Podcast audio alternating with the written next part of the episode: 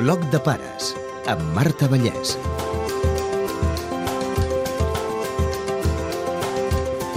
Avui parlem de quan la mare o el pare es queden a l'atur, com hem d'explicar als fills que hem perdut la feina i que això comportarà canvis en la vida familiar, rutines, despeses, estat d'ànim... En parlem amb la psicòloga Yolanda Portolés, especialista en assessorament a persones i empreses en procés de canvi laboral. Ha fet un llibre per nens i nenes i també per grans en forma de còmic que en parla. Té il·lustracions de Néstor Macià i amb el periodista i escriptor Josep Ignasi Gras. El títol I el teu pare no treballa? Ara els pares, quan jo els demano una cosa, em diuen No, que hi ha crisi. Otro jueves negro en el Wall Street Journal. Desde el 29 la bolsa no hace crack.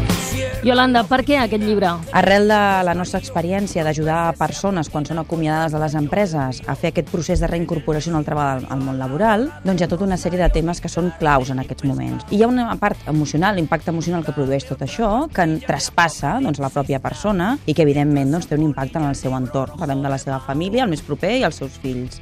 L'impacte que es produeix i com eh, explicar-ho als fills, és a dir, la por que fa moltes vegades, com explicar als fills aquesta situació, que ens hem quedat sense feina i que a partir d'ara què passarà. Just aquest moment, dir a casa que has perdut la feina deu ser molt difícil. Encara que sembli molt sorprenent, hi ha persones doncs, que abans de dir-ho a casa s'esperen un temps, per por, per vergonya, i com que quan nosaltres treballem amb ells i els oferim un programa de recol·locació, el primer que tenen doncs, és un suport personal i és un suport que inclou doncs, poder estar doncs, amb nosaltres treballant tota una sèrie d'aspectes a l'hora de tornar al món laboral. I això significa que tenen uns hàbits de sortir de casa i això significa que poden més o menys dissimular una situació en la que hi ha una pèrdua d'hàbits rutinaris. Això fa molts anys era molt més freqüent, però em va sobtar fa 4 anys que tornàvem a estar a la mateixa situació, una mica amb l'esclat de la crisi. No quieres sentir, no quieres ver, no quieres escuchar.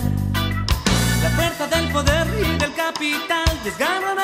tu condición. I com ho viuen aquestes persones quan parlen amb tu que els ajudes a trobar una nova feina? Jo recordo casos, preferentment eren homes més que dones, que quan els explicava bé i parlàvem del tema, doncs, com impacta aquest tema a la teva família, la teva dona treballa o no, tens fills, de quina edat, ho heu parlat a casa, i la seva resposta era no, encara no els hi he dit. I tornàvem a treballar a la sessió a la setmana següent, ho heu dit a casa, encara no ho hem dit. I quan et sembla que ho podries dir? Doncs quan sigui una situació ben normal, que és com reflectim en el còmic. Mentre estem sopant, que estem tota la família junts, doncs en aquell moment ho direm. Passaven les setmanes i tornaves a preguntar i eh, ho heu dit a casa? No, que no heu sopat tots aquests, dies? Sí, sí, hem sopat, però encara no ho hem dit. Ha aquesta por a com poden afectar en els nens i quines preguntes els hi faran. Per qui està escrit aquest llibre? Volem fer una reflexió a les empreses perquè es plantegin com s'estan acomiadant a les persones. Com les empreses acomiaden. I a ningú li sobtarà doncs, les notícies que rebem, que acomiaden persones per SMS o amb un missatge en el contestador o amb un burofax. La segona és el propi afectat, evidentment, doncs què passa en una situació d'aquest tipus i com a partir d'ara hem de ser cada vegada més conscients de que ens hem de preparar per tornar al mercat laboral. I l'altra és com impacta, evidentment, a la família i als nens. El fet que sigui un còmic fa una mica menys dramàtic aquest missatge. Pretenia doncs, trobar d'una forma còmica situacions que de vegades poden ser molt punyents. A l'hora de, de transmetre-ho i a l'hora de dibuixar-ho li traiem una mica doncs, tota aquesta part tan negativa. No? Nos dictan siempre. Somos la edad del porvenir. Nos van dictando cómo nacer, cómo vivir. Néstor, els teus dibuixos fan el missatge una mica més suau, menys greu. Primer vam pensar en, en un conte. S'anava enriquint i vaig dir, no, no, això el format que té és un format de còmic, és la manera que, que la gent li entri, una lectura més o menys planera. O sigui, és, és planera, però a la vegada és, a algun punt és densa perquè s'han d'explicar moltes coses. I això, el, el resultat final, crec que és una cosa, és un producte molt, molt, molt, molt, molt llegible per tothom. Són personatges que viuen en un món irreal, fictici, i això no és casualitat. Personatges molt diferents i en un entorn que no s'assemblés res al nostre, és una mena de ciència-ficció, van en coet i coses d'aquestes. Precisament aquesta llunyania, paradoxalment, ens acosta molt més a la vida real. Vull dir, si féssim un senyor que viu a Vic, tothom estaria pensant que això no li pot passar a ningú més que algú que estigui visquent a Vic. Quan fas una cosa, un entorn així tan genèric, et permet acostar-te molt més i, que, i, i empatitzar, que el lector empatitzi més. Els protagonistes són els pares de dues famílies que perden la feina. Llavors vam fer dues columnes, que són això, la, la família Gàlex i la família Uranus. Un per la feina d'una manera, diguem-ne, digna, preavís, ben explicat, ben portat, ben acompanyat, i l'altre per la feina d'una de la pitjor de les maneres. I aquest és el que eh, ho rep molt malament, ho amaga a casa i a partir d'aquí vas explicant la història. Hi ha la família, hi ha la dona i els nens de cadascun i per tant hi ha les implicacions a l'escola de- d'ells. Són bastant els dos grans paradigmes. I un d'ells viu una situació que a molts potser els serà familiar i molt cruel. Al moment en què surt ja no té el, la targeta, ja no li funciona, i en aquell mateix moment ja el, el senyor de la porta ja li dona la capsa amb, els seus, amb les seves coses personals. Adéu-siau, vostè ja no treballa aquí. Això ha passat amb empreses. Gent amb divendres a la tarda que està tornant cap a casa, que ells han marxat ja comptant adéu-siau fins dilluns i divendres a la tarda reben un SMS i aquell SMS és de comiat. La meva filla fa no massa, ho va estar visquent al, al seient del costat, eh, la reacció en directe de- d'una noia rebent l'SMS de la- de l'acomiadament. I ha de ser eh, situació molt bèstia. que tú te bajas en la próxima estación. Di que no a los dueños de este mundo enfermo. Els treballadors no són un número i l'empresa no acomiada. De fet, és una altra persona qui et fa fora. Per tant, hem de treballar l'empatia i saber-ho fer amb dignitat. No té res a veure el tamany de l'empresa ni el que es dedica. És igual, és igual. És a dir, les empreses la fem les persones. I aquí el que hem de pensar és en la sensibilitat que tenim cadascú a l'hora de comunicar. Comunicar situacions que no són fàcils ni agradables. Però també et diré, Marta, que ningú ens ha ensenyat. Si tu vas a buscar un màster d'administració de recursos humans i de com eh, procedimentalment preparar doncs, l'acomiadament, la com s'ha de fer tot el procés, en trobaràs. Però digue'm si pots trobar algun lloc on s'expliqui a les persones, als directius principalment, com acomiadar. Se van zafando los sentimientos con más frío que calor. Jo em puc trobar moltes persones que ens produeix aquesta situació i han d'acomiadar i em demanen, si plau ajut. El que fem és formar-los, preparar-los. Oi que ens formem per saber incorporar persones i saber seleccionar persones, incorporar-les dintre l'organització? Doncs és tan important o més saber acomiadar la persona en aquell moment. Mantenir la dignitat de la persona i mantenir els drets tant de l'empresa com de la persona en aquella situació. Però hem d'aprendre a acomiadar. Hem d'aprendre a acomiadar de la mateixa manera que aprenem qualsevol tipus de gestió empresarial. Els nens també tenen clar que s'ha de treballar l'empatia. Hi ha molta gent pobra que està al carrer, normalment està a l'atur, hi ha molta gent molt privilegiada, com hi ha alguns de nosaltres que no ens ho passa, però ens hauríem de poder ficar en el lloc dels altres i intentar que això s'acabés. Yolanda, què passa quan per fi s'atreveixen a dir-ho a la família? La majoria de les vegades la reacció és molt més positiva del que s'havien pensat. El que demanen és seguretat i, per tant, és el que els hi hem de donar. I quan els hi expliquem què és el que està passant i per què el pare o la mare es queden sense feina, els hi hem d'explicar més coses. Els hi hem d'explicar si això els hi afectarà amb ells d'alguna manera o no, si tindrem que fer algun tipus de reajust econòmic a casa, de si això voldrà dir doncs, que no podrem comprar allò que volien, si això serà durant molt de temps o poc, si això podrem substituir i fer coses que abans ens costaven diners per altres que no en costen però que la farem tots junts. És a dir, el que els hi ha de quedar molt clar als nens és que per moltes retallades que hi hagin a casa i per moltes dificultats econòmiques, el que no els hi faltarà mai és el carinyo dels seus pares. Però i si els nens fan preguntes difícils? si això passarà sempre, si això tindrà una durada determinada, si això es veurà afectats a la seva paga, o si això farà que no tinguin una determinada joguina que volien, si podran anar al cinema, si el pare ara podrà anar a veure'l o no anar a veure'l a l'escola, com fa el pare d'un amic seu. Volem donar una sèrie de pautes per com viure aquesta situació i sobretot, sobretot per desdramatitzar. Nen que juga al meu equip té els seus pares a l'atur i un dia els nens del meu equip i jo estàvem parlant dels pares de què treballaven i vam preguntar a aquest nen i ens va dir que els seus pares els dos estaven a l'atur i vam pensar tots els de l'equip que potser hi haurien moments que no, que no estarien gaire bé. Como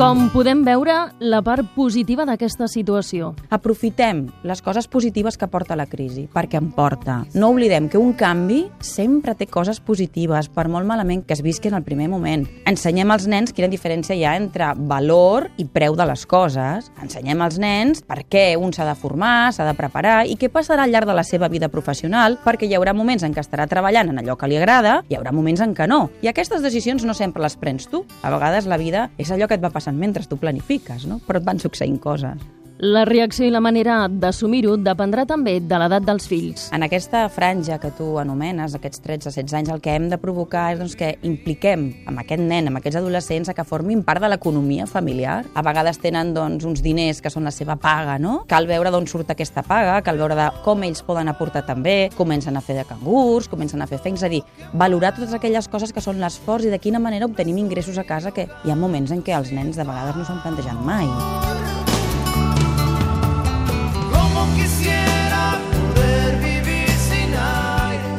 Meus pares m'ho diguessin, em posaria molt trist, rectificaria les meves idees, ja no demanaria tant, pensaria més en, en ajudar els meus pares en fer les coses. Estant a l'atur et costa més pagar les factures, pagar la llum, pagar el manteniment, l'alimentació, que és una de les coses més, dels factors més importants. Si tens fills o filles, l'escola dels nens o nenes, l'universitat, carnet de conduir, diverses coses més. Les extraescolars, esports, teatre...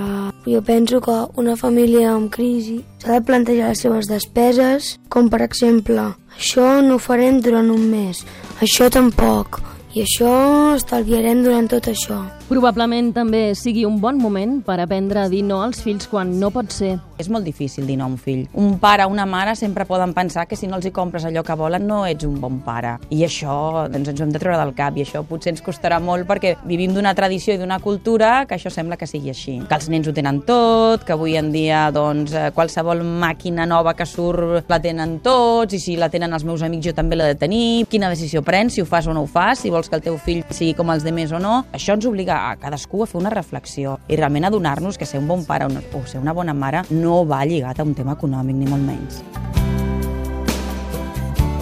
Meus pares sempre em diuen que hem d'estalviar, que arribarà un moment que si ens gastem tant els diners a les coses de cada dia, perquè jo sempre demano molt i a canvi faig poc. I això em diuen que no pot ser perquè hi ha gent que ara mateix no té moltes més necessitats que nosaltres. Em diuen que haig d'estalviar Y es que España va muy bien, va muy bien para los de siempre, para el banquero, para el alcalde y para nuestro presidente. El llibre és també un tribut als que han sortit del mal moment i tornen a treballar. Nosaltres hem fet aquest llibre com un acte d'agraïment, i ho diem així en el pròleg, a totes aquelles persones que al llarg de la meva trajectòria professional han depositat la seva confiança i hem fet en- conjuntament un procés de tornar al mercat laboral. Per això pensem doncs, que no ens podem quedar aquí, que hem de portar el nostre granet de sorra a la situació i per això fem unes pautes, però no unes pautes com serien unes pautes de com buscar feina, sinó unes pautes sobretot a l'hora d'actitudinals. Des de l'experiència, com s'ha d'afrontar aquest temps sense tenir ocupació? Què passa en aquest moment? Què implica perdre la feina? Quines avantatges pot tenir? Per tant, pensem que hi ha un tema de que t'has de moure, que t'has de preparar, que si és possible busquis ajut professional, que disfrutis de la teva família, perquè els horaris avui en dia laborals no permeten ni que vagis a buscar els teus fills a l'escola, ni que vagis al millor a l'entrenament de bàsquet, cosa que els nens agraeixen moltíssim quan el pare o la mare ho fan. I és un llibre que també pot ajudar als que encara tenen feina. La gent que encara no l'han acomiadat, i en el llibre aquest justament hi parlem, preparem-nos abans, estiguem preparats pel canvi perquè segurament un moment o altre de la vida ens arribarà aquest canvi. I això és molt important. I per tant aquest llibre ja també va dirigit a la gent que pot estar pensant encara tinc una feina segura, però que tothom es plantegi que, que aquest pas en algun moment de la vida l'haurà de fer. Cuando un sueño se te muera o entre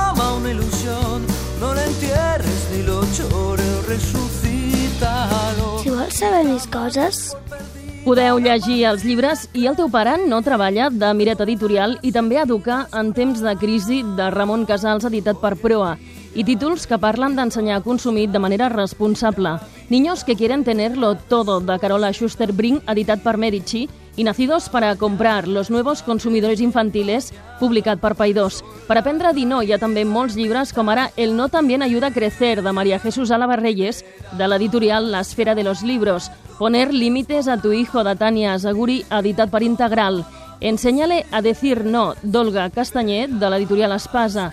I el professor Ramon Casals també en parla al llibre 100 preguntes que ens fem als pares de Proa. A internet us recomanem la pàgina fanoc.org de l'Associació de Famílies Nombroses de Catalunya. Trobareu un vídeo fantàstic fet al País Basc que es titula Amb la família la remuntada és possible. Aquest n'és un petit fragment. Eso es todo. Espero que ahora conozcáis un poco mejor a qué nos dedicamos los bomberos, además de apagar incendios. Bueno, chicos, seguimos con el Día de las Profesiones. Y ahora es el turno del padre de Sergio. Hola, soy Roberto, el padre de Sergio. Y bueno, yo ahora mismo estoy en paro. ¿Y qué profesión es esa? Bueno, pues digamos que ahora mi trabajo es buscar trabajo. Vamos a ver, ¿os gusta el fútbol, verdad? Sí. Bien, pues imaginad que estáis perdiendo 4-0, pero que todavía no ha terminado el partido. Así que tenéis dos posibilidades. Una, daros por vencidos. Y la segunda, esforzaros todavía más e intentar remontar. ¿Vosotros qué haríais? Remontar. ¿Cómo? Remontar. Yo metería cinco goles. Y yo me los pararía a todos. Muy bien, pues eso es lo que yo estoy haciendo. Intentar remontar. Ahora, somos muchos los que estamos jugando el partido más difícil de nuestras vidas y necesitamos de un equipo para remontar. Y yo tengo un gran equipo, mi familia, porque me animan cada mañana. També us recomanem la pàgina Faros, el portal de salut per les famílies de l'Hospital de Sant Joan de Déu. Fent una recerca amb la paraula atur, trobareu uns quants articles i en un d'ells sobre la visió que els nens tenen de la crisi hi ha un enllaç a un estudi sobre aquest tema fet per la firma Danone. La situació en el món laboral ha canviat per sempre, o almenys per molt de temps, i això vol dir que nosaltres també ens hem d'adaptar a aquesta situació, inclús hem de reaccionar, ens hem de preparar i hem de preparar els nostres fills. Tenim la responsabilitat de fer-ho. Hem d'explicar als nens què passa amb la feina quan la perds, com serà la teva vida professional. Hi haurà vegades que prendràs tu decisions, hi ha vegades que les prendran per tu, però quan les prenen per tu, arriba el moment de que tu et plantegis moltes coses i de que et posis en moviment. Bloc de pares. Premi Civisme als mitjans de comunicació del Departament de Benestar Social i Família de la Generalitat.